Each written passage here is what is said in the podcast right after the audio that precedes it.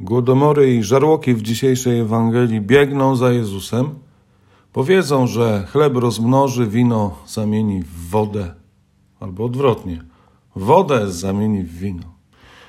To dziwna pomyłka, ale dająca do myślenia, bo czyż niepodobnie postępujemy w naszym życiu? Wino zmieniamy w wodę, a serce w kamień.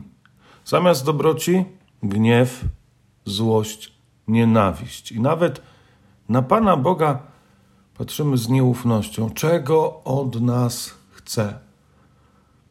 Popatrzmy na tych żarłoków i obiboków w dzisiejszej Ewangelii. Pan Jezus dobrze wie, dlaczego go szukają.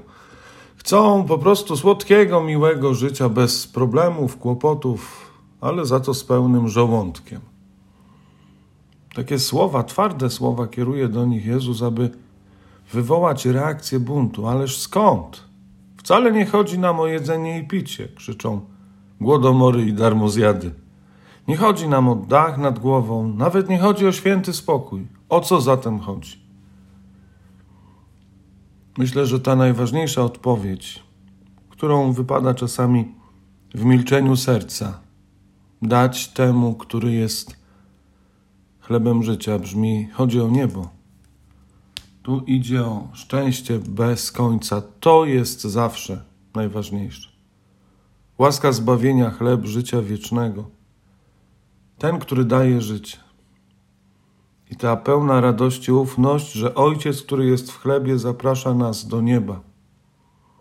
Że Chrystus eucharystyczny nie pozwoli, abyśmy zginęli w ciemnościach i dlatego nieustannie zaprasza na mszę. Ta msza święta jest fundamentem naszego życia.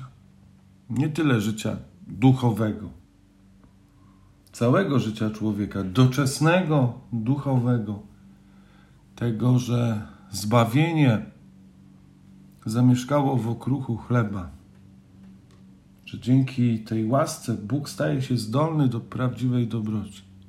Nawet jeśli nie potrafi się skupić na mszy świętej, tak jakbym chciał, nawet jeśli czuję, że ta moja rozmowa z Bogiem jest nieudolna, że ciągle jest ona jednostronna. Bóg mówi do nas, a my kiepsko i głupio się odzywamy. Jakbyśmy ciągle stali przed progiem. Uwierzmy jednak, że ten próg uda się przestąpić. Uwierzmy w słowa, y, które Bóg mówi do każdego z nas: Nigdy Cię nie opuszczę. Nie lękaj się. Nie zostawię cię w lęku w samotności. Pragnę obdarzyć cię łaską zbawienia.